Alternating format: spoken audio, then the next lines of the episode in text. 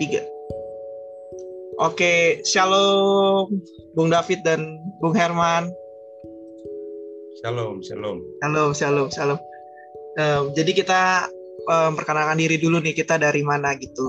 Yang pertama pastinya um, podcast ini dibuat ada latar belakangnya yaitu kita mau menjangkau orang-orang yang nggak terjangkau di um, sama komunitasnya gitu-gitu. Jadi yang kalian merasa terbelakang ataupun gimana kalian boleh dengerin podcast kami. Kami kami juga buat buka open forum untuk kalian di Instagram. Instagramnya ntar ada di link deskripsi di Spotify atau YouTube yang kalian lagi nonton sekarang kalian boleh cek link itu dan boleh tanya-tanya kita di situ. Mungkin ada pertanyaan yang kalian sangat bingung dan boleh kita jawab di podcast alinya yang alinya menjawab. Oke, kita perkenalkan diri dulu nih. Gimana nih? Pertama dari Bung David dulu. Bung David, boleh memperkenalkan dirinya silakan. Ya, jadi sekarang posisi saya uh, PhD candidate dari Free University Amsterdam. Uh, riset saya tentang Abraham Kuyper, dan pluralisme beragama di Indonesia. Jadi Kuiper tuh uh, dia perdana menteri Belanda, dia teolog dan dia juga pendiri Free University. Ya, jadi uh, satu aliran atau tradisi teologi yang didirikan Kuiper itu disebut neo Calvinisme. Itu satu paket deh, Kuiper, Herman Bavinck, uh, Doiver dan lain-lain gitu ya. Jadi kalau okay. kalian tertarik sama neo Calvinisme kira-kira begitu. Oke, kalau dari Bung Herman nih, coba boleh mengenal diri dulu nih. Iya. Ya, saya Herman. Uh, hari-hari saya ada di Harvest uh, International Theological School. Uh, juga sebagai gembala, menggembalakan sebuah gereja kecil yang sedang untuk berkembang, terus memuliakan Tuhan. Jadi uh, Basic saya adalah teologi dan pendidikan Kristen. Oke. Okay. Okay. Jadi cukup nih ya buat teman-teman yang dengerin podcast kita, cukup banget untuk ahlinya karena um, narasumber-narasumber kita ini memang ahlinya dalam bidangnya. Oke, kita langsung aja nih ke eh sebelumnya saya kenalin diri dulu dong. Masa saya nggak kenalin diri gitu teman-teman. Oke, kalau saya nama saya Bung Lam. Um, basically saya adalah mahasiswa teologi di sama di SFT Harvest International Harvest di Karawaci terutama tempatnya dan saya juga bekerja sekuler juga jadi saya adalah orang sekuler yang tertarik dengan teologi tentunya saya basically saya adalah seorang marketing jadi buat teman-teman yang merasa ah gue kan bukan teologi ah saya kan bukan um, orang yang sangat suci untuk punya men, atau punya kesempatan untuk mendengar jawaban dari para ahlinya. Nah, podcast ini dibuat untuk teman-teman yang merasa seperti itu. Boleh kayak tadi lagi seperti di awal, cek link di bawah dan langsung um, tag, um, buka linknya dan langsung tanya kami di Instagram atau di sosial platform yang saya sediakan ntar, yang kami sediakan. Oke, langsung aja nih, Bung Herman dan Bung David, kita ada ada pertanyaan yang topik yang sangat menarik nih. Topik pembahasan kita hari ini adalah pandangan tentang LGBT di gereja. Tentunya kita membahas dari common ground dulu. Ada isu yang sangat memorable menurut saya tahun 2016 ketika PGI mengeluarkan statement bahwa tentang LGBT dan itu sangat ramai sekali diperdebatkan untuk gereja-gereja. Nah, the the first topic yang akan saya bahas adalah apakah boleh seorang LGBT di gereja? Menurut Bung David dulu deh ya, mungkin saya uh, jadi pemantik diskusi juga nih ya saya buka yeah. topik ya. jadi uh, saya coba-coba baca dan terus terang ini bukan uh, ekspertis saya sebenarnya tapi ada yang hmm. berkembang namanya queer theology jadi queer theology jadi teologi dari perspektif uh, queer kira-kira begitu karena LGBT ini kan sekarang berkembang ya LGBTQIA kalau saya nggak salah jadi LGBT plus queer intersex dan aseksual gitu. Nah, uh, queer theology ini sebenarnya dikembangkan udah cukup berkembang ya. Salah satu karya yang saya baca itu dari Profesor Lynn Mary uh, Lynn Mary Tonstad ya. Ya, Lynn Mary Tonstad. Uh, dia adalah profesor di Yale University dan dia menjelaskan queer theology itu apa. Jadi sebenarnya nggak uh, sederhana tentang kita menerima nggak sih orang LGBT gitu. Lalu nggak sederhana bahwa queer teologi ini adalah teologi yang dikembangkan untuk orang-orang queer membela diri supaya diterima di dalam gereja. itu terlalu simplistik, gak sederhana itu. Queer theology ini adalah satu uh, visinya mereka itu sosiopolitikal. Jadi pertama mereka mempertanyakan boleh nggak sih gender itu diklasifikasikan sama orang?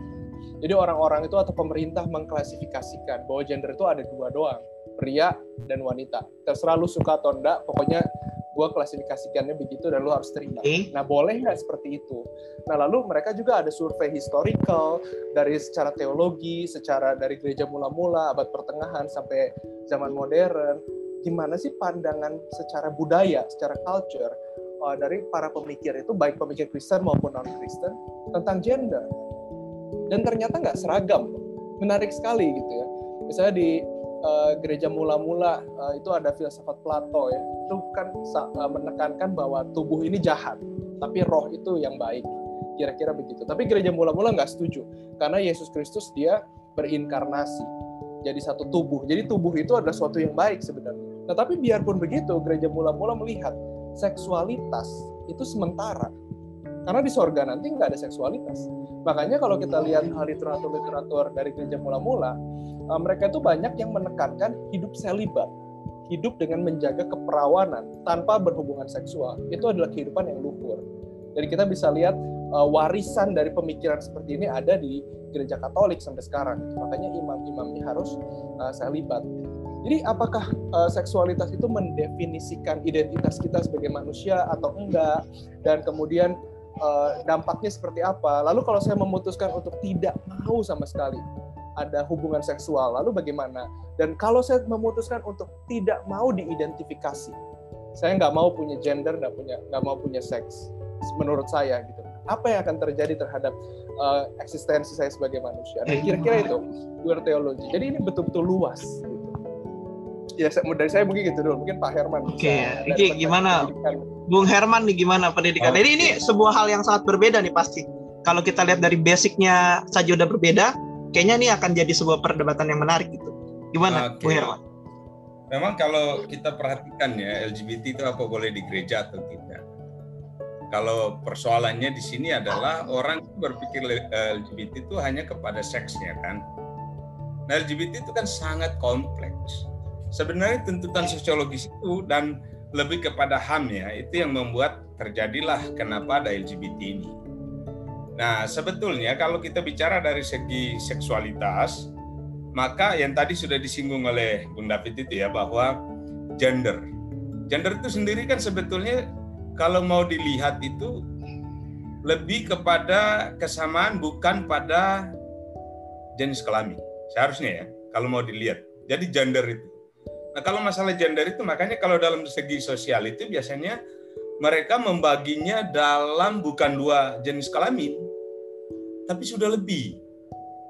Itu sebabnya ada jenis kelamin laki-laki, perempuan, ada laki-laki yang suka kepada laki-laki, perempuan yang suka kepada perempuan yang kita sebut homo dan lesbi, tetapi juga ada yang perempuan suka laki-laki dan juga suka perempuan.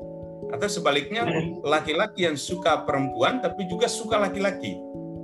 Nah, itulah yang terjadi kalau dalam dunia sosial sudah bukan dua tapi sudah enam. Enam jenis kelamin. Jadi kalau ditanya pertanyaannya itu adalah boleh nggak di dalam gereja atau tidak? Secara uh, teologis memang kita perhatikan bahwa kalau itu kita ambil dari segi uh, jenis kelamin atau gender pun itu hanya ada dua kan. Jadi sudah tidak bisa. Tapi dia boleh di gereja atau tidak. Boleh di gereja atau tidak, siapa yang berhak untuk melarang orang datang mencari Tuhan? Itu ah. persoalan. Itu. Siapa yang berhak melarang orang datang kepada Tuhan? Itu masalah tersendiri. Sehingga kalau kita bicara LGBT dari segi mana? Kalau dari segi sosial, maka seharusnya dia juga ditampung di situ. Kalau dari segi gender atau dari segi uh, jenis kelamin, nah itu jelas Alkitab tidak pernah memberikan ada jenis kelamin lain selain daripada dua, dua jenis kelamin itu. Tapi kalau pertanyaan tadi boleh di gereja atau tidak, yaitu jawaban saya adalah siapa yang berhak melarang orang untuk mencari Tuhan. Mungkin dari saya itu. Oke, jadi ini um, pendapat pendapat sebelum bulan sebelum ke topik lain mungkin uh, kita perlu uh, klarifikasi. Iya, iya. Kita kita, kita harus tentang uh, gender dan seks ini Jadi ya. Pak Herman, saya kalau saya lihat dari literatur terutama antropolog ya, antropolog ya. kan yang cenderung mendefinisikan mengenai uh, manusia gitu. Uh, mereka tuh ada kesepakatan bahwa gender dan seks ini sekarang biarpun biasanya dipakai secara bergantian, tapi ada perbedaan. Nah, jadi biasanya gender itu lebih ke apa yang ada di kepala kita, tapi seksualitas itu lebih kepada uh, jenis kelamin hmm. gitu. Makanya ada orang transgender tapi tidak transseksual. Ya ngerti ya beda? Jadi ada orang yang uh, dia secara gender dia berubah. Saya mengidentifikasi sendiri sebagai uh, gender yang lain tapi uh, secara seksual dia tidak operasi kelamin kira-kira begitu. Jadi gender dan seks itu sekarang dipergunakan secara berbeda juga. Ya oke okay. jadi jadi pemakaiannya berbeda. Dan dan ini sangat apa apa hal-hal yang sangat kontradiktif yang kita dapatkan di lingkungan stigma-stigma yang kita dapatkan di masyarakat tentunya. Karena mungkin stigma di masyarakat itu bukan ahlinya teman-teman. Satu hal lagi ya bukan ahlinya yang berbicara gitu. Jadi menurut dari yang saya dapat dari Pak Herman tentunya bahwa dari Bung Herman tentunya bahwa memang gender dan seks itu ternyata sekarang penggunaannya berbeda ya. Udah bukan ranahnya lagi gender dan seks. Jadi um, ada perbedaan di antara tentang identifikasi diri dan um, fisik physically kan seksual itu kan physically Oke. Okay. itu lebih ke secara emosi. Iya, lebih emosi, psikisnya. Dia pengen sama siapa. Dan menarik juga tuh menurut Bung Herman tadi. Siapa yang bisa ngelarang? Hu gitu kan. Siapa yang boleh ngelarang orang LGBT masuk gereja? Siapa? Ya tentu saja satu hal lingkungan masyarakat situ bahwa kita tahu stik apa orang Indonesia tuh sangat bermasyarakat. Sangat sekali bermasyarakat. Jadi apa yang menjadi omongan orang banyak itulah yang akan dianggap benar. Biasanya seperti itu. Ya tentu hal ini karena LGBT adalah sebuah hal yang minoritas tentu akan ditekan dengan hal yang mayoritas. Selalu seperti itu kan polanya di Indonesia ya terutama yang saya bisa simpulkan gitu. Kemudian ini bergeser sedikit nih pernikahan LGBT di gereja kalau tadi orang yang bisa beribadah sebagai LGBT beribadah di gereja, oke, siapa yang bisa ngelarang? Tergantung orang yang melarangnya siapa. Mungkin ada gereja yang menerima atau tidak. Nah, ini pernikahan, sebuah sakramen dalam gereja. Gimana kalau kita lihat basically kita mungkin akan menjawab kita coba ke Bung Herman dulu deh. Gimana tuh menurut Bung Herman? Baik, sakramen. itu kalau tadi baik. Kalau tadi mendengar apa namanya uh, tentang boleh di gereja atau tidak itu yang tadi saya sampaikan siapa berhak melarang siapa untuk mencari Tuhan. Tapi kalau sudah sampai pada konteks ini, maka pernikahan itu adalah merupakan lembaga pertama yang Tuhan bangun di dunia ini. Lalu kemudian di dalam lembaga pertama yang Tuhan bangun ini, itu dia tidak Adam dan Adam, tapi Adam dan Hawa. Kan begitu ya? Sehingga yeah. kalau di pertanyaannya adalah boleh nggak mereka menikah? Saya agak ekstrim sekali saya mau mengatakan bahwa tidak. Karena seks itu sendiri pun kalau dilakukan itu antara dua jenis. Jadi manusia ini bukan homo tapi heteroseksual. Nah itu yang mungkin perlu di, diperhatikan. Dan pernikahan itu artinya menikah dengan laki-laki dan perempuan, bukan laki-laki dan laki-laki. Jadi bukan uh, Memet dan Mamap, bukan. gitu ya. Bukan okay, juga okay. Uh, Susi dan Susan, bukan. Uh. Tapi menikah itu kan harus saja harus mungkin Memet dan ya Susan, Susan gitu ya. Jadi okay. tidak boleh ada ini. Jadi dalam konteks ini uh, karena ini sudah masuk sakramen, saya harus tegas katakan itu tidak ada di dalam konteks teologi pun sampai pada hari ini dari zaman perjanjian lama sampai perjanjian baru tidak pernah saya melihat itu. Bahkan justru perlakuan seks yang homoseks itu pun itu ditentang Tuhan kan. Kalau kita lihat keseluruhan dan Gomora itu ya. Iya. Itu juga membuat Tuhan harus murka kepada mereka karena penyimpangan itu. Jadi kalau yang tadi boleh saya bilang siapa yang mau melarang mereka datang cari Tuhan. Tapi kalau dalam konteks ini saya harus tegas berdiri dalam doktrin itu bahwa tidak ada pernikahan sesama jenis kalaupun itu sudah ada misalnya di Eropa dan segala itu adalah tuntutan hak asasi yang mereka nuntut dengan konteks tadi yang disebut dengan uh, sosiopolitiknya. Jadi bukan pada doktrin uh, kebenaran Alkitab. Mungkin saya di situ kali. Jadi tidak ada Mehmet dan Mamat itu ya. Itu okay. yang perlu. Ya, oke okay, oke. Okay. Oke, okay, dari Bung Herman. Ini dari Bung David yang PhD kandidatnya di Amsterdam. Yang kita tahu Amsterdam ya, tahu ya. sendiri lah ya. Dengan gimana nih pandangannya, Bung David? Ya, jadi memang sangat terbuka ya. Ya kita di sini ngomong santai aja. Tapi kalau yeah. kita ngomong konteks uh, sama scholars di Eropa, di Amerika, kita yang minoritas gitu. Iya. Orang yang uh, evangelical, orang-orang Injili, orang-orang yang bilang Alkitab itu tanpa salah itu kita minoritas gitu. Minoritas ya betul. Ya, dan banyak mereka juga nggak peduli lagi tentang uh, Alkitab. Tapi nggak semua loh. Ada juga orang yang memang peduli sama Alkitab, tapi dia percaya queer teologi, tapi dia mengembangkan satu uh, teologi yang berbasis untuk perspektif yang queer gitu. Dan mungkin saya kira ini nanti akan ada uh, dua pandangan yang berbeda ya. Jadi normatifnya udah beda. Secara normatif kalau orang Injili kita masih percaya Alkitab itu Allah uh, percaya Alkitab itu tidak bisa salah. Dan biasanya mereka uh, akan cenderung konservatif dalam hal ini. Mereka akan akan bilang bahwa pernikahan itu ya harus laki-laki dan perempuan gitu dan hanya monogami. Tapi kalau seandainya yang lebih terbuka, teolog-teolog yang lebih progresif ya mereka berbeda gitu. Nah, jadi secara normatif ya itu bisa bisa di dipahami lah bahwa ada norma yang berbeda dan secara akademis pun bisa didiskusikan. Nah, tapi masalah hak asasi manusia ini gitu, itu juga jadi satu uh, kebingungan gitu buat gereja. Karena sekarang kita punya norma seperti itu, tapi orang lain kan boleh punya norma mereka sendiri gitu uh, apa hak yang kita punya untuk memaksakan mereka mengikuti norma yang kita punya gitu. Nah, tapi nanti ada masalah lain. Kalau gitu berarti pendeta-pendeta yang konservatif dipaksa dong harus memberkati pasangan homoseksual, misalnya begitu. Apakah boleh? Nah, ini juga satu hal yang lain. Jadi mungkin basisnya ya freedom of conscience gitu ya, liberty of conscience. Jadi tiap orang tuh hati nuraninya harus bisa uh, ada kebebasan dan dia ada kebebasan secara individu yang kita nggak bisa paksa. Cuman secara normatif, kalau kita uh, yang konservatif mau memberitakan bahwa yang benar itu begini dan yang progresif pun secara normatif mereka mau mau memberitakan yang benar itu menurut versi mereka ya bebas. Itu menurut saya ya sama-sama aja saling memberitakan satu sama lain saling menjelaskan posisi masing-masing. Bahkan diskusi dan dialog itu sangat diutamakan Buka, tapi harus iya. anti kekerasan. Anti kekerasan dan jangan sampai ada uh, apa namanya pengucilan dan uh, seperti itu dengan terhadap yang lain. Nah, cuma sebelum itu saya ini mau bahas juga nih. Pernikahan itu sakramen hanya untuk gereja Katolik loh ya.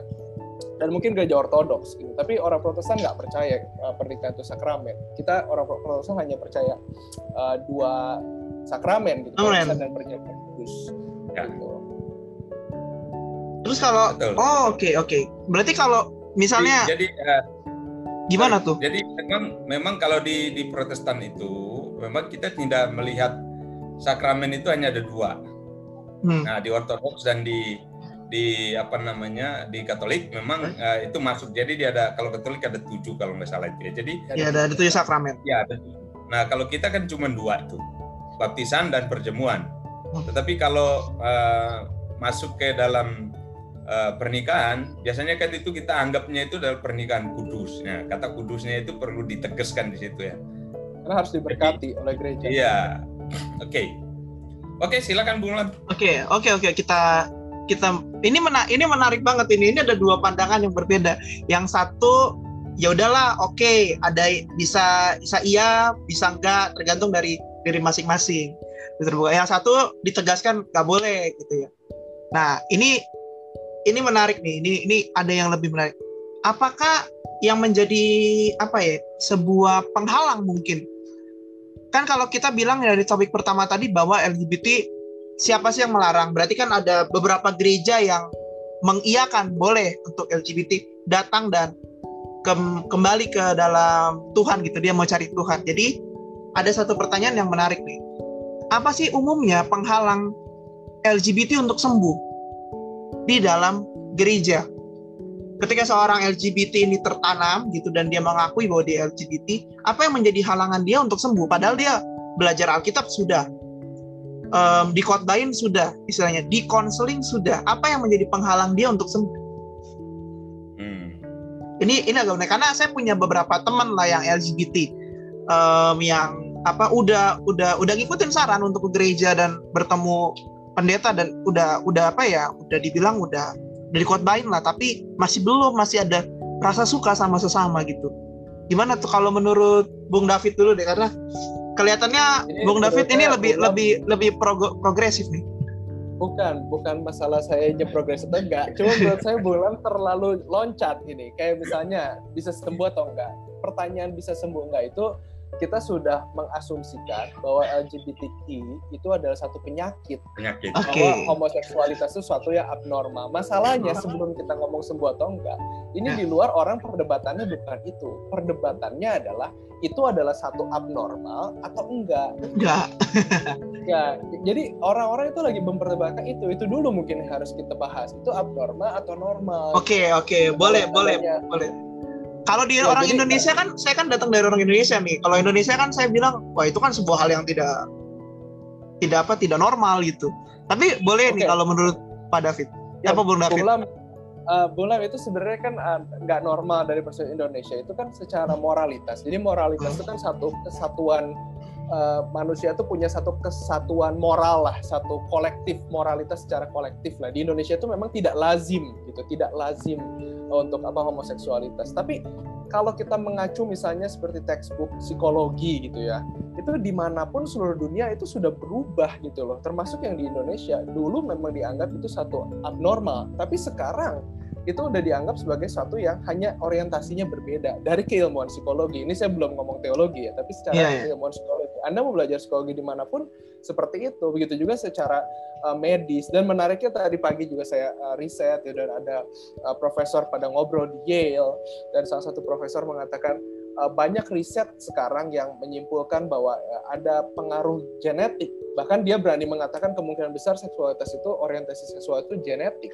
Kalau genetik ya berarti kita nggak bisa apa-apa. Nah kira-kira begitu. Saya nggak bilang saya setuju atau enggak iya. cuman maksudnya sebelum kita masuk ke mempertanyakan mereka bisa sembuh atau enggak mungkin ini bisa dibahas dulu. Nah ini okay. ada ada uh, Bung Herman ini Pak Herman.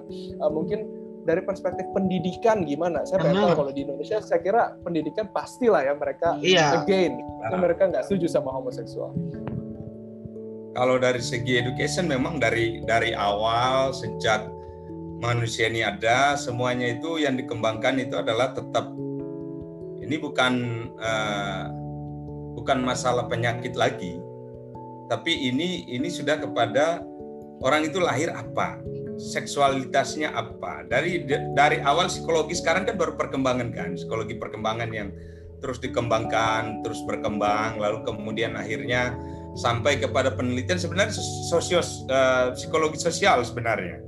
Itu yang bicara tentang yang tadi disebut Bung David itu ya. Jadi uh, kalau kalau kita lihat psikologi yang sebenarnya maka dia sampai kepada jenis kelaminnya dua itu nah jadi kalau kita mesti melihat ini kalau dari segi educationnya kan educationnya sampai sekarang belum pernah atau belum mungkin di Indonesia secara khusus ya itu belum diajarkan bahwa ada jenis kelamin lain atau orientasi seksual lain. Itu belum belum sampai pada titik itu. Sehingga dianggap sebagai satu norma ya pak? Ya dianggap sebagai sebuah ini kan norma yang tidak diakui jadi tidak diakui oleh komunitas sosiologis yang ada di Indonesia ini tapi juga secara etika itu kan etika moralnya itu loh di mana itu jadi sampai hari ini nah saya tidak tahu apakah 5-10 tahun kemudian atau 20 tahun kemudian orang Indonesia ini pemikirannya sudah seperti orang liberal di barat sana berpikir. Mungkin. Tapi sampai hari ini masih tetap pada konteks di mana kita yang namanya jenis kelamin adalah laki-laki dan perempuan. Nah itu itu yang mungkin uh, penegasannya dalam segi education di Indonesia ini masih di konteks itu. Tapi nggak semua orang Barat juga berpikir begitu. Ya, Misalnya ya, betul siapa ya? Saya lupa dia sosiolog atau antropolog Harvard yang terkenal. Uh, dia bilang perkawinan mono uh, sorry bukan monogami tapi per, perkawinan homo sorry perkawinan heteroseksual antara laki-laki dan wanita itu adalah pilar atau adalah dasar dari kebudayaan manusia dari zaman dulu sampai zaman sekarang. Dulu, ya. Jadi itu udah satu hal yang umum menurut dia itu. Ya. Cuman itu debatable juga tapi maksud saya nggak semua orang di barat itu uh, setuju mengakui ya, ya, homoseksual ya. seperti itu. Jadi uh, kalau kita sedikit masuk agak lebih spesifik kepada Alkitab, lalu kemudian kita perhatikan perintah yang jelas di situ adalah beranak cuculah dan penuhi bumi, maka dalam konteks ini tidak ada uh, organ reproduksi di dalam diri laki-laki yang bisa uh, berfungsi sebagai ovarium yang menahan atau menampung sehingga terjadinya pembuahan dan melahirkan anak atau sebaliknya di dalam diri perempuan atau reproduksi perempuan itu pun tidak ada organ yang memberikan sperma khusus untuk uh, terjadinya pembuahan dan melahirkan anak. Kalau itu ya mau di, dispesifikan lagi sampai ke konteks itu. Tapi kalau kita bicara dari segi keleluasaan, kebebasan, hak asasi dan sebagainya, mungkin dari sana lah orang banyak berpikir sehingga kemudian melihat bahwa ini adalah kecenderungan. Maka saya pikir kita harus sepakat bahwa lesbian ini bukan ah, sorry bukan lesbian LGBT ini bukan berbicara tentang masalah jenis kelamin, tapi saya lebih setuju itu berbicara tentang tentang gender, bukan jenis kelamin. Kalau saya mau. Tapi ada juga yang transseksual, Pak. Ya, transseksual trans, itu pun sangat kecil ya, sangat kecil kalau untuk uh, transseksual itu ya, tidak terlalu banyak juga. Cuman ini menarik karena ini kan topik yang tidak uh, bukan yang bukan sudah lasim, topik yang nggak lasim, sehingga semua orang di muka bumi yang dari awal hidup di dalam pengajaran yang seperti itu sampai tiba-tiba ada sesuatu yang semacam kayak bom waktu. Memang di dalam Alkitab sudah ada itu dalam perjanjian lama. Homoseksi itu sudah ada. Cuma di dalam perjanjian lama ketika di, ke, diajarkan itu atau disampaikan itu adalah sesuatu yang dibenci Tuhan. Nah, itu itu masalahnya. Mungkin di situ kali. Ya, silakan Bung Lam. Kalau ada lagi atau Bung David mungkin bisa. Ya, karena jadi, uh, apa PL itu tadi ya, PL disebutkan ya. Nah, ya nggak semua ah, sarjana biblika juga setuju bahwa itu bicara tentang homoseksual, tapi ya ada kemungkinan lah. Ini kan cerita yang uh, Lot gitu ya, waktu ya, ya, yang di Sodom dan Gomora. Sodom dan Gomora ya. Jadi ada yang bilang itu uh, berkaitan dengan homoseksual, ada yang bilang enggak. Itu karena memang uh, Ibrani Yada itu kan apa ya. tuno itu bisa know secara seksual gitu. Jadi uh, bisa know dalam arti sekedar mengetahui tapi bisa juga know dalam arti uh, apa namanya seksual. Ada terjadinya seksual intercourse gitu. nah cuman di kebudayaan Romawi itu juga homoseksual sesuatu yang dipandang luhur kalau saya nggak salah baca. Bahkan uh, ada kisah tentang apa namanya Santo Valentinus yang dia katanya dihukum mati karena dia memberkati uh, memberkati seorang pasukan dengan seorang wanita. Padahal waktu itu prajurit Romawi itu wajib homoseksual. Karena pernikahan itu ya. dianggap bisa bisa membuat murka dewa perang atau apalah tapi kira-kira begitu. Jadi intinya ada satu satu bukti sejarah juga bahwa di kebudayaan Romawi homoseksual itu uh, umum di masyarakat. Dan, tapi kemudian nanti berbeda lagi dan jadi intinya di, di sepanjang sejarah itu seksualitas dan gender ini dan juga pernikahan itu sesuatu yang rumit. Nggak ada nggak ada satu pattern yang begitu mendasar sebenarnya.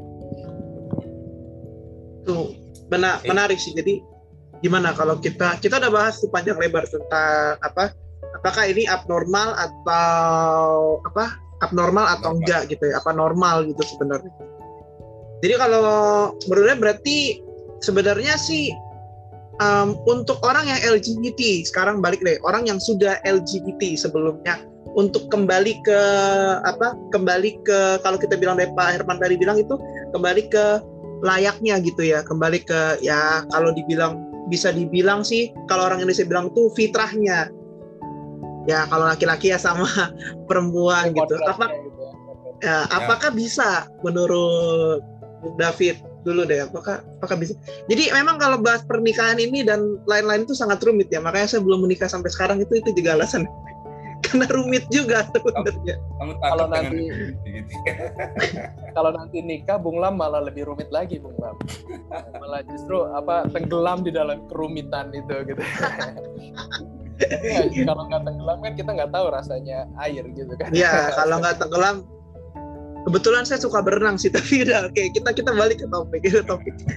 Um, apa gimana tuh? Bisa nggak sih sebenarnya LGBT bisa nggak sih kembali? Kalau ada yang bilang ini genetik orang nggak bisa ngapa-ngapain tapi buktinya ada kok yang bisa kembali.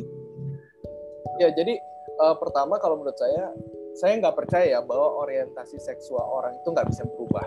Saya nggak percaya. Jadi mungkin ada pengaruh genetik, mungkin ada pengaruh lingkungan, tapi juga ada will dari orangnya itu sendiri. Kita kan juga bukan robot. Gitu. Jadi tiga-tiga itulah saya kira-kira tiga hal itu berpengaruh, tapi saya nggak setuju kalau itu direduksi. Jadi misalnya semua itu semata-mata karena genetik, atau semua itu semata-mata karena lingkungan, atau semata-mata karena diri kita yang sepenuhnya bebas juga nggak mungkin juga karena kita nggak pernah benar-benar bebas. Lingkungan kita mempengaruhi kita. Ya kebebasan yang relatif itu adalah. Jadi hmm. bebas tapi tetap terpengaruh sama genetik terpengaruh juga sama lingkungan. Nah cuman basically dari pengamatan kita bisa lihat bahwa orang-orang itu bisa berubah kok orientasi seksualnya.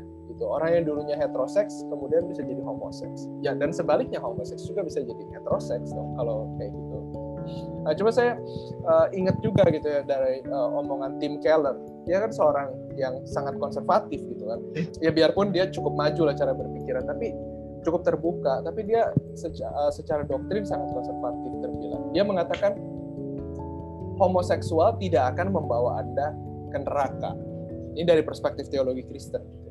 Begitu juga heteroseksual tidak akan membawa anda ke surga gitu oh saya heteroseksual saya suka cewek. Ya terus kenapa gitu? Bisa aja saya apa selingkuh saya nggak setia sama istri saya atau saya ya terus kenapa banyak juga orang yang eh, nggak beres tapi dia heteroseksual gitu ya? Begitu juga dengan wanita. Oh saya suka pria. Ya terus kenapa gitu bukan berarti kemudian setelah anda heteroseksual anda menjadi uh, suci dan hidupnya benar kan gitu? Jadi etika pernikahan etika seksual ini nggak sesederhana menjadi homoseksual dan heteroseksual. Saya kira begitu. Itu dulu mungkin. Jadi seksualitas itu ada pengaruh dan ada bagian yang penting dalam kehidupan manusia, tapi tidak seluruh kehidupan manusia itu didefinisikan oleh seksualitasnya. Oke, kalau dari Bung Herman nih kan kita ngomong kalau di gereja nih Bung Herman. Biasanya kan lebih ngerti lah tentang menangani orang gitu. Kalau pertanyaannya itu bisa sembuh atau tidak, maka saya pikir penyakit apa pun kan bisa sembuh ya kalau dianggap dalam tanda kutip ini adalah sebuah penyakit. Penyakit. Dia bisa sembuh atau tidak ya. Ya banyak hal ya, banyak faktor yang lalu kemudian membuat dia bisa tetap bertahan di tempat itu di dalam kondisi dia seperti itu atau keluar dari tempat itu. Jadi eh, pertama itu kan diri dirinya sendiri sudah bisa menyelesaikan masalah itu.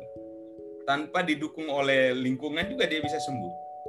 Gitu ya kalau dalam konteks kesembuhan itu.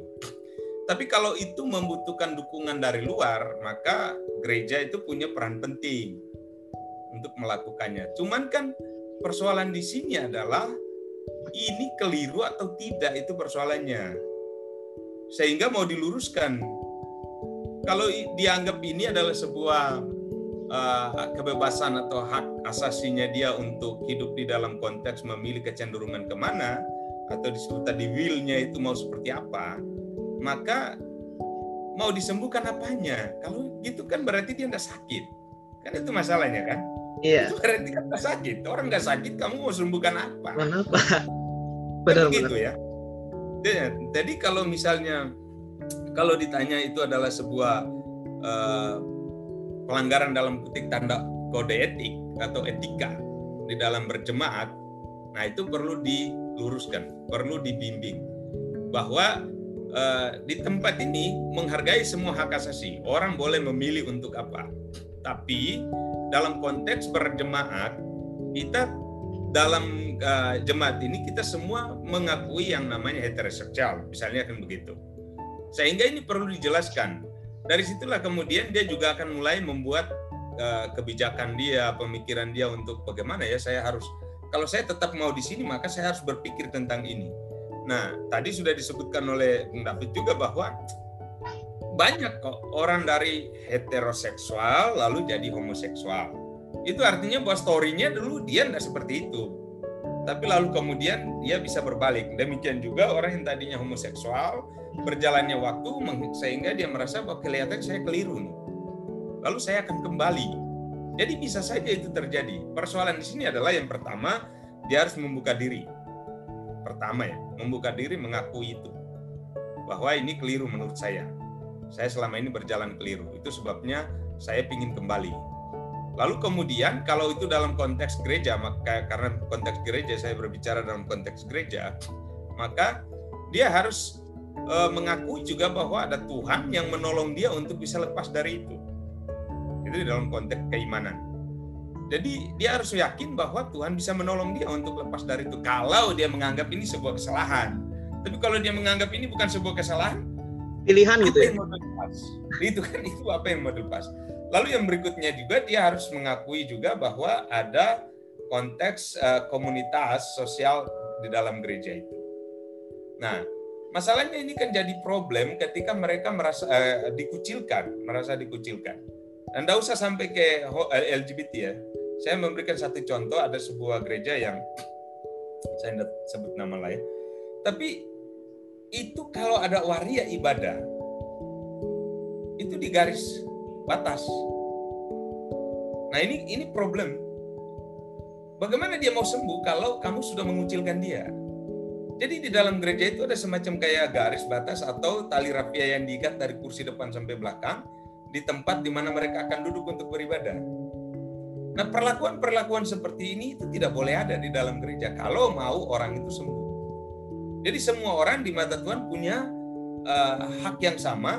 Kalaupun ada persoalan, diselesaikanlah secara baik-baik, dijelaskanlah secara baik. Jadi aturan itu dijelaskan secara benar.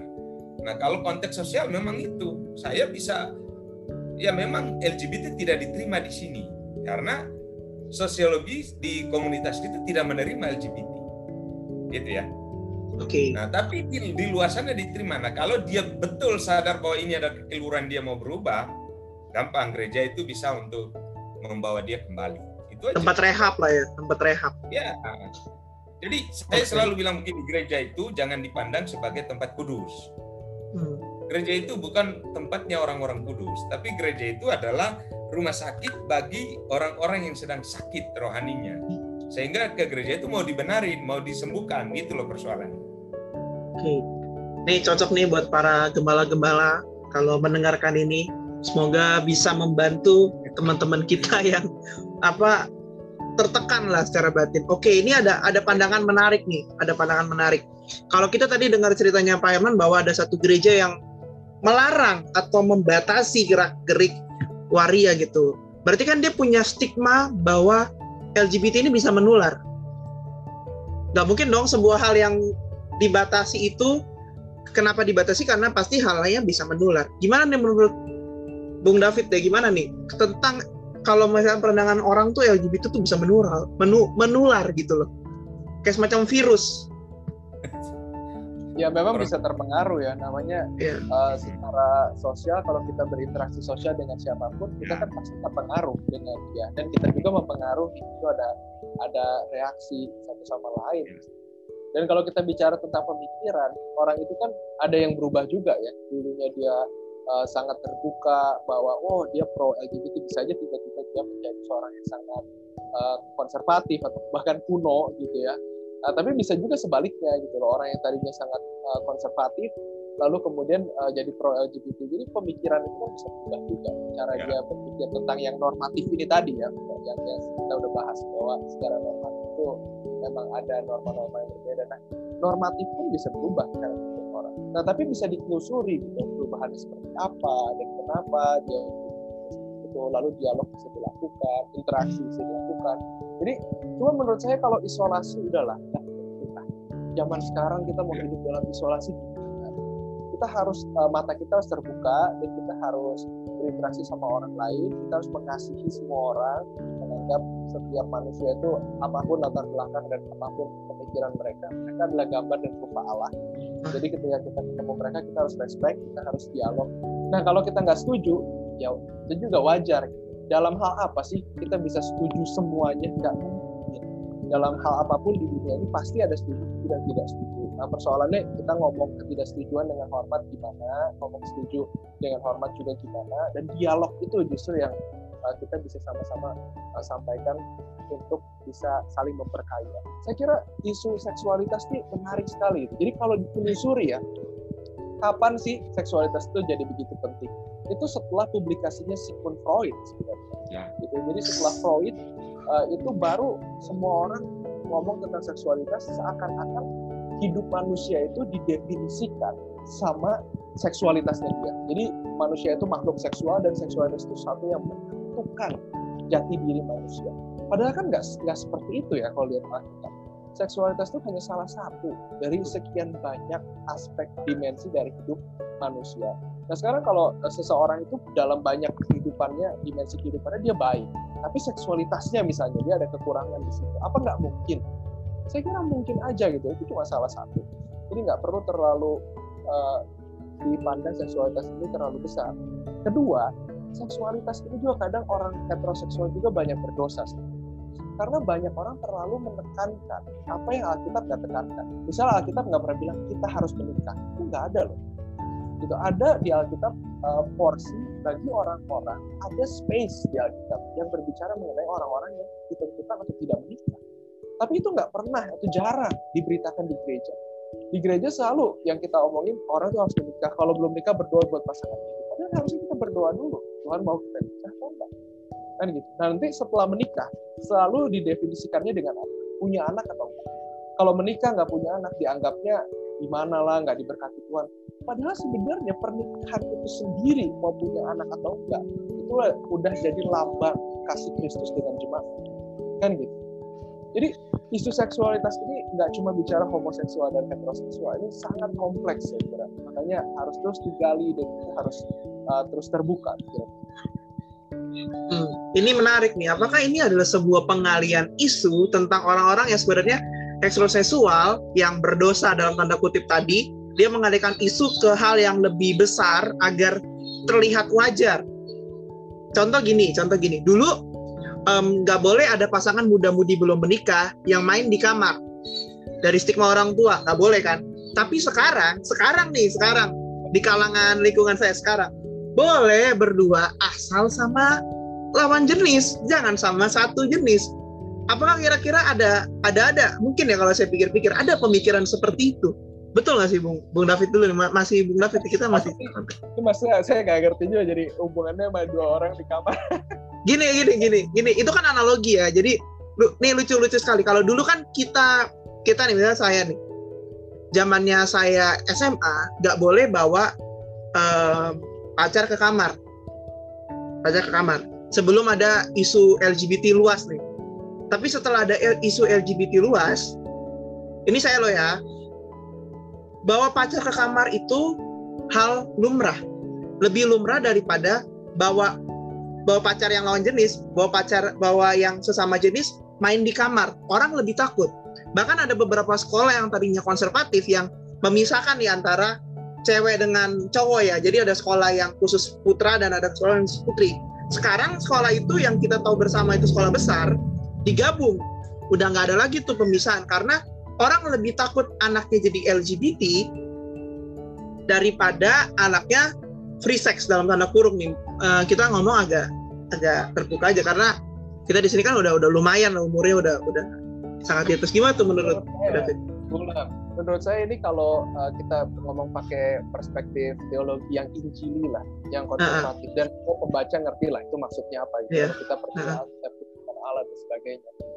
Ini dua-duanya sama-sama dosa nggak sih? Apa bedanya itu? Iya, sama-sama sama dia homoseksual. Yang satu lagi dia heteroseksual tapi ini hubungan seksual di luar nikah.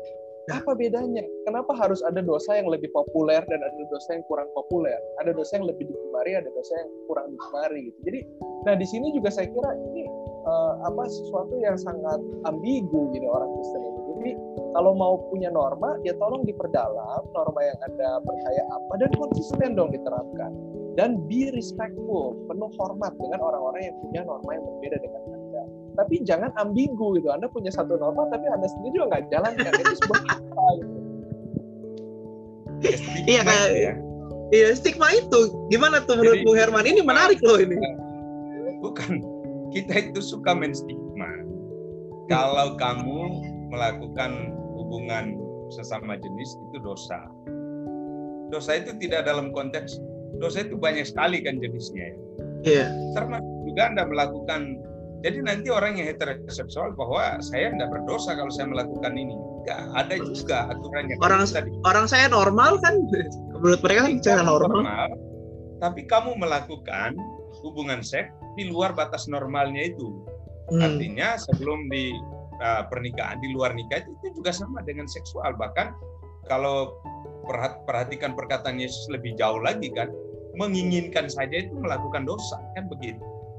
Jadi kalau kita melihat ini jangan menstigma yang seperti ini karena kan kalau stigma seakan-akan orang LGBT itu jahat banget dan orang heteroseksual ini orang yang tidak jahat enggak. Ini tidak bicara masalah dosa eh, dosa dan tidak dosa ini. Masalahnya ini kan normatif ya etika moral itu kan yang sedang kita perdebatkan terus di mana-mana itu perdebatannya cuma etika moral disetujui atau tidak. Nah, moral itu bisa menjadi sebuah standar moral yang baik kalau itu disetujui oleh sekelompok orang. Itu secara sosial. Sehingga kalau selama ini kan Indonesia itu tidak dalam konteks LGBT, itu ditolak betul-betul. Hmm. Nah, lalu kemudian kalau misalnya ini pergeseran terjadi, lalu ke, akhirnya masyarakat Indonesia kemudian memikirkan bahwa oh ini adalah hak setiap orang untuk bisa mengekspresikan siapa dia, kecenderungan dia ke mana. Nah, itu kalau diterima di negara ini secara keseluruhan masyarakat Indonesia itu bisa jadi norma baru. Yang akhirnya oh kalau ini boleh kok, ini juga boleh. Nah itu sebabnya eh, kalau tadi tanya itu bisa menular apa enggak? memang bisa saja menular karena pergaulan yang buruk itu kan akan merusak kebaikan. Bisa kebiasaan yang baik ya. Ya, kebiasaan yang baik. Jadi itu akan merusak. Karena kan moralnya ini jadi ber, uh, jadi bergeser kan. Nah, tapi apakah per, harus dijauhi? Tidak juga. Justru Anda kalau lihat orang dalam kondisi sulit, Anda tidak boleh jauhi. Kamu harus datang untuk menolong dia karena dia ini sedang dalam pergumulan nih Lalu Anda menolong dia membuka wawasannya untuk melihat hal-hal baru yang terbuka ke depan. Bagaimana bisa itu ditolong kalau kita menjauh? Orang tenggelam, Anda harus pergi menolong dia supaya angkat dia supaya tidak tenggelam. Tapi kalau Anda lihat dia tenggelam terus Anda pergi, selesai hidupnya kan. Jadi sebenarnya kita cuma berkutat itu ada di norma sebenarnya. Kalau sampai kepada et, apa kekudusan itu sudah jelas standarnya masing-masing. Bukan standarnya masing-masing, standarnya udah jelas. Tapi moral itu yang berpijak di satu, dua, tiga, ini ini boleh, ini tidak boleh, ini baik. Misalnya contoh, kita tidak boleh bilang anjing atau babi kepada orang di hmm. misalnya di Pulau Jawa inilah, gitu ya. Tapi anjing atau babi di tempat saya itu hal yang lumrah. Nah ini ya sesuatu yang diakomodir di tempat santai yang boleh kamu. Tapi kecuali penyebutan anjing atau babi itu dalam konteks penekanan nada yang tinggi atau dalam konteks emosi dia tidak boleh. Nah kalau di Jawa kan sama sekali itu tidak boleh, dianggap tidak bagus. Jadi itu. Nah kita sebenarnya mainnya cuma ada di etika moral, etika moral. Sanctification-nya tidak disentuh sebenarnya, cuman kan dipaksakan untuk disentuh di situ. Karena kekudusan itu Tuhan kasih kekudusan itu dan setiap orang berjuang mempertahankannya. Nah, dalam konteks apa? Ya, sekarang kita mau lihat. Jadi banyak sekali orang yang melakukan hal itu. Dan mereka melakukan jangan dipikir heteroseksual itu itu orang kudus, enggak juga.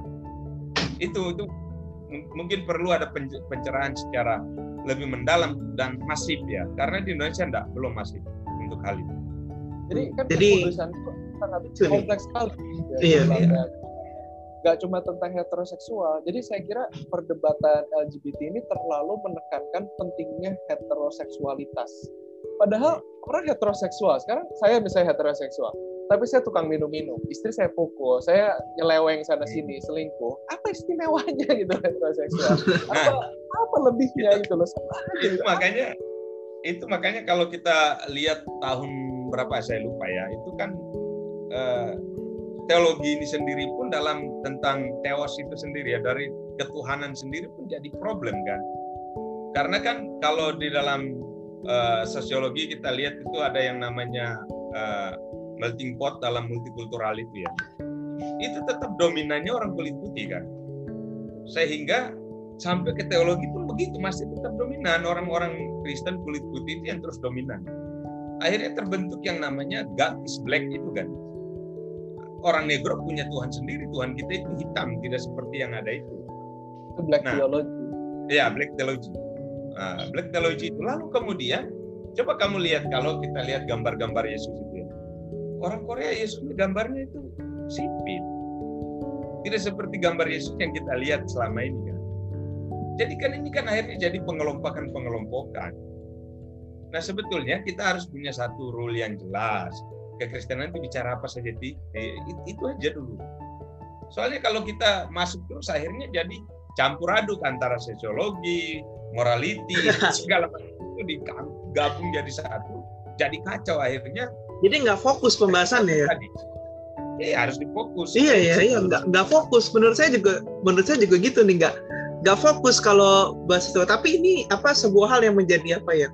Umumnya sangat apa ya mendapat pertentangan tuh banyak banget. Ada yang setuju, ada yang nggak setuju. Terutama kalau karena saya pengalaman um, cerita sedikit bahwa saya tuh punya banyak temen yang LGBT.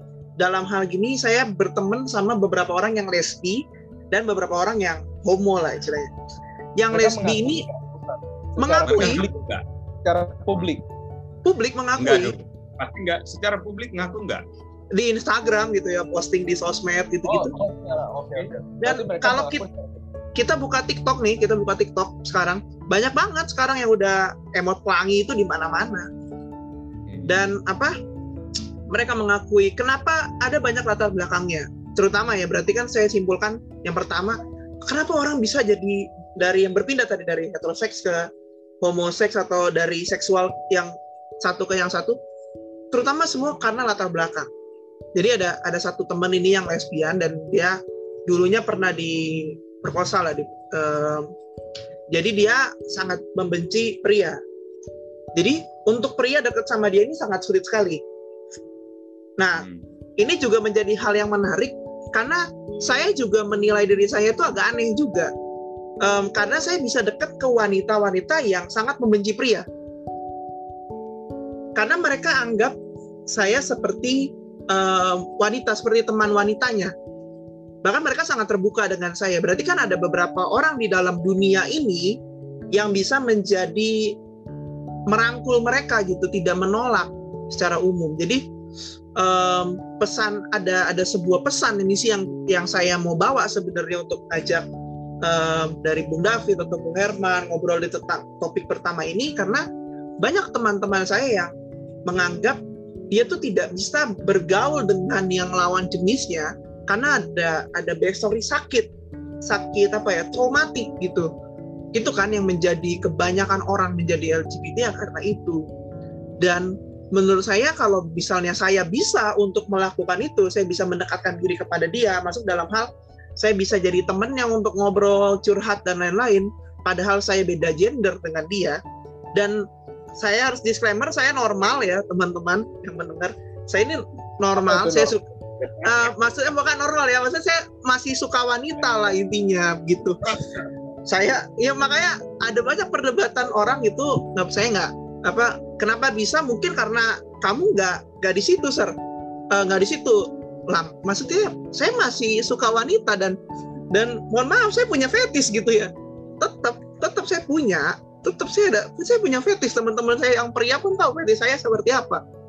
Um, jadi saya bilang bahwa basically semua ini cuma tinggal di tangan yang tepat aja. Orang-orang yang LGBT harus ada di tangan yang tepat. Menurut Bang, menurut Bung David atau Bung Herman gimana? Betul atau tidak sih? Kalau yang dari pendapat yang saya lihat gitu biasanya sih cuma kayak stigmanisasi itu ya. Iya, stigma-stigma itu aja. Yang dibangun orang sehingga terjadi seperti itu. Ya memang latar belakang itu penting. Untuk menyembuhkan seseorang kan tidak semudah yang kita lihat. Kita memang harus tahu latar belakang dia gimana. Kenapa dia bisa terjadi seperti itu? Artinya bahwa dia tidak seperti yang kita pikirkan. Cuma ada satu ada satu persoalan yang membuat dia jadi seperti begitu Nah, menyelesaikan persoalan itu kan akarnya kan mesti tahu.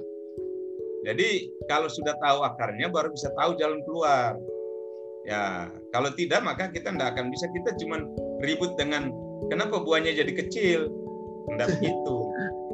Kan itu kan kita mesti lihat sampai sejauh mana. Nah itu problemnya. Lalu lingkungan dia bagaimana? Lingkungannya mendukung itu atau tidak. Jadi banyak sekali faktor.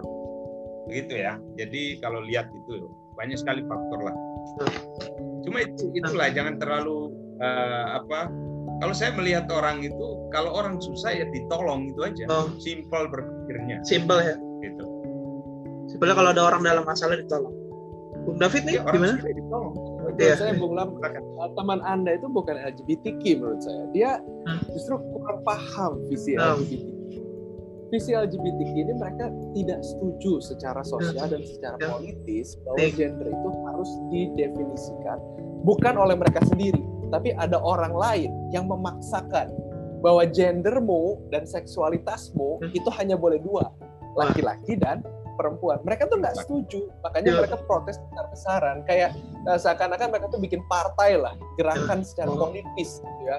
Yang punya kekuatan politis loh. Mereka tuh betul-betul punya suara gitu untuk menyuarakan. Kita tuh nggak setuju, kita dikotak-kotakan berdasarkan gender yang orang luar tetapkan, bukan kita sendiri yang tetapkan gitu loh itu ketidaksetujuan mereka sedangkan teman anda itu punya paradigma yang jelas bahwa gender di dunia ini hanya ada dua laki-laki dan perempuan dan eh berarti kamu yang beli cempaka putih. Lagi-lagi buat teman ya ya yang itu. Oke. Okay. Itu yang bisa saja dia mendukung LGBT itu eh, haknya ya, haknya dia ya. Menurut saya dia tidak sesuai dengan visi awal. Awal. LGBT bisa booming bisa ada tuh kenapa gitu kira-kira begitu jadi bukan cuma bicara Benar. orang LGBT itu mau diterima bukan Ma. tapi mereka tidak setuju ada pendefinisian. Ya. nah makanya uh, kita nggak boleh bilang si A ini LGBT, si B ini LGBT, boleh. Karena itu harus mereka dari kesadaran mereka sendiri. Mereka bilang, oh saya, saya menurut saya saya L, saya L, saya lesbian, makanya saya masuk LGBT. Oh saya intersex, makanya saya masuk LGBT. Jadi mereka harus dari dirinya sendiri mendefinisikan diri mereka. Itu yang mereka perjuangkan, kira-kira begitu.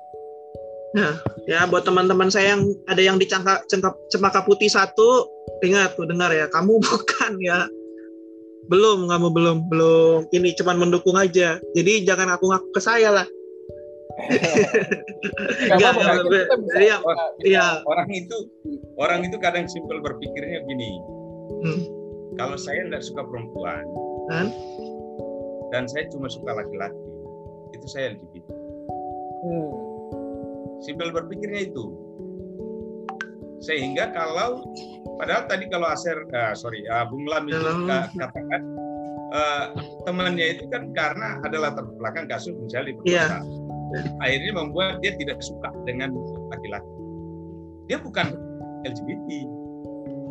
Nah, lalu akhirnya karena per, uh, problem itu kasus itu lalu kemudian saya tidak suka laki-laki lebih baik saya bergaul dengan perempuan karena dengan tanda kalau dengan perempuan saya tidak diperkosa lalu akhirnya itu di stigma dia LGBT LGBT dan stigma orang yang yang stigma orang yang masuk itu pun tertanam dalam diri dia sehingga yeah. dia bisa mengatakan bahwa dia LGBT karena dia tidak bergaul dengan laki-laki itu aja. Jadi simpel berpikirnya begitu manusia sekarang. Bergaul pak. Kita bergaul nah, belum cuma sama saya ya tapi saya kira memang banyak orang gitu Pak Herman dan Bung Lam. Jadi banyak orang yang mereka nggak ngerti sebenarnya. Jadi iya. diskursus iya. LGBTQIA yeah. di kalangan uh, literatur, kalangan filosofer dan uh, teolog itu sebenarnya mereka nggak ngerti. Mereka hanya ikut-ikutan aja gitu. Tapi visi awalnya itu dan uh, yang berkembang literatur itu memang seperti itu. Makanya QIA itu penting jadi bukan cuma LGBTQ tapi eh, bukan cuma LGBT tapi LGBTQIA. Jadi Q itu ya. queer. Queer itu bisa diartikan juga questionable. Jadi mereka nggak bisa dikategorikan itu queer. Ya. Gitu. Lalu I intersex itu orang-orang yang lahir secara biologis. Mereka itu nggak ada klasifikasinya secara biologis, secara seksual. Jadi biasanya dokter bedah atau siapa mereka membuat sesuatu di situ sehingga orang yang lahir demikian itu bisa dikategorikan pria atau wanita. Ya. Lalu yang yang ketiga A, yang KIA kan, KIA bahasa Indonesia. A itu aseksual. Mereka bilang saya bukan makhluk seksual. Saya tidak mau punya seksualitas sama sekali. Nah, jadi yang tiga KIA ini sangat menarik gitu. Nah, ini ini uh, jadi diskursus mengenai uh, eh, LGBTQIA ini sebenarnya sangat luas dan uh, sangat bisa memperkaya kita juga saya kira. Betul. Nah, itu dia makanya sekarang ini kan kalau mau dilihat kan kadang saya bertanya begini. Nah, kalau kamu misalnya anak-anak kos kuliah dua orang laki-laki tinggal dalam satu kamar untuk menghemat uh, apa biaya. Itu akan di stigma, di labeling dalam kondi, dalam istilah sosial label itu, di labeling homo. Gitu loh. Ini memang belum sampai sana, tapi kalau ini dikembangkan terus akan akan berkembang lama-lama sampai orang kalau satu kos satu kamar dua uh, orang sesama jenis itu dianggap yes. LGBT. Itu itu berbahaya. Oke okay, oke okay. oke okay, nih ya. kita akan gitu ya. mungkin kita di next episode kita akan bicara kita akan lebih bahas bicara tentang KIA-nya LGBT. Jadi jangan bahas tentang LGBT-nya aja, tapi teman-teman semoga teman-teman yang dengar bisa lebih mengerti lah pemahaman tentang LGBT yang sesungguhnya gitu. Jadi nggak nggak cuma dengar lewat dengar stigma orang nih. Jadi ketika teman-teman dengar podcast ini, diharapkan setelah dengar bisa mengerti, setelah mengerti bisa mendinai atau menail orang-orang yang sebenarnya nggak ngerti sama sekali, cuman hanya ngejudge aja secara um, omongan, tapi tidak pernah baca secara literatur yang benar. Ini ada ada ada tujuan yang sangat bagus sekali menurut saya gitu. Jadi um, the last question ada untuk menutup episode ini. Menurut Bung Herman dulu nih, ada pesan nggak buat para kaum yang menganggap dirinya udah LGBT gitu di Indonesia ya terutama pesannya apa? Uh, saya satu aja harus dilihat bahwa belum tentu orang yang ikut demo tentang LGBT itu adalah orang LGBT kadang-kadang semua manusia ini merasa punya uh, tujuan yang sama dalam konteks kebebasan. Manusia itu pada dasar tidak mau dikekangkan. Sehingga mereka ikut, belum tentu dia itu LGBT. Nah kalau yang merasa diri sudah LGBT, sekarang pertanyaan saya adalah, Anda berdiri di posisi mana? Kecenderungan seksualitasmu di mana? Kalau sekali lagi, LGBT tidak bicara seksualitas, itu itu aja. Jadi kamu berdiri di mana? Kecenderunganmu di mana? Kamu merasa itu adalah sesuatu yang salah, keliru, atau itu adalah sesuatu yang benar? Kalau itu adalah sesuatu yang keliru, kamu masih bisa kembali karena kamu sesungguhnya tidak hilang, tapi kamu cuma tersesat saja. Itu mungkin statement saya itu aja.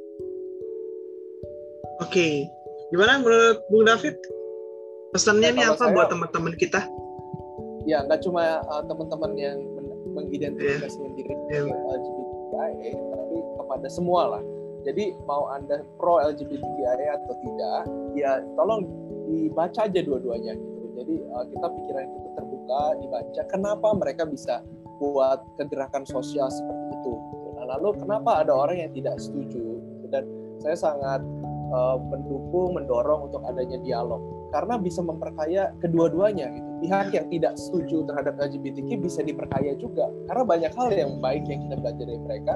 Begitu juga pihak yang LGBTQIA saya minta juga anda kalau bisa jangan menutup diri. Ayo berdialog sama mereka yang uh, percaya bahwa seksualitas itu harus heteroseksual. Dialog sama mereka. Kenapa sih mereka uh, percaya seperti nah LGBTQIA pertama demonya ada karena kebebasan. Mereka menuntut kebebasan. Maka dalam anda berpikir pun anda harus bebas.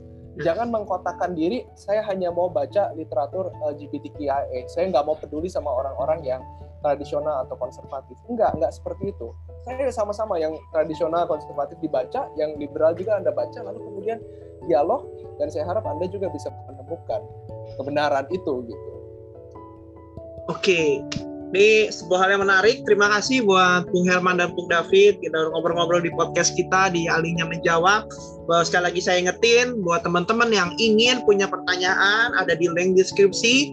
Kamu bisa join di situ dan kamu bisa tanya-tanya di situ buat pertanyaan kamu. Dan untuk pertanyaan-pertanyaan yang menarik menurut kami dan sangat apa ya sangat urgent untuk dijawab akan kami jawab di next episode kalau sudah terbit dan teman-teman um, sekali lagi podcast podcast kita ini akan upload di um, terutama di platform di Spotify buat teman-teman yang boleh dengerin dan boleh untuk klik like dan share juga podcast kita agar banyak teman-teman juga yang lain yang terberkati yang punya keresahan yang sama gitu. Oke, terima kasih sekali lagi Bung David dan Bu Emma.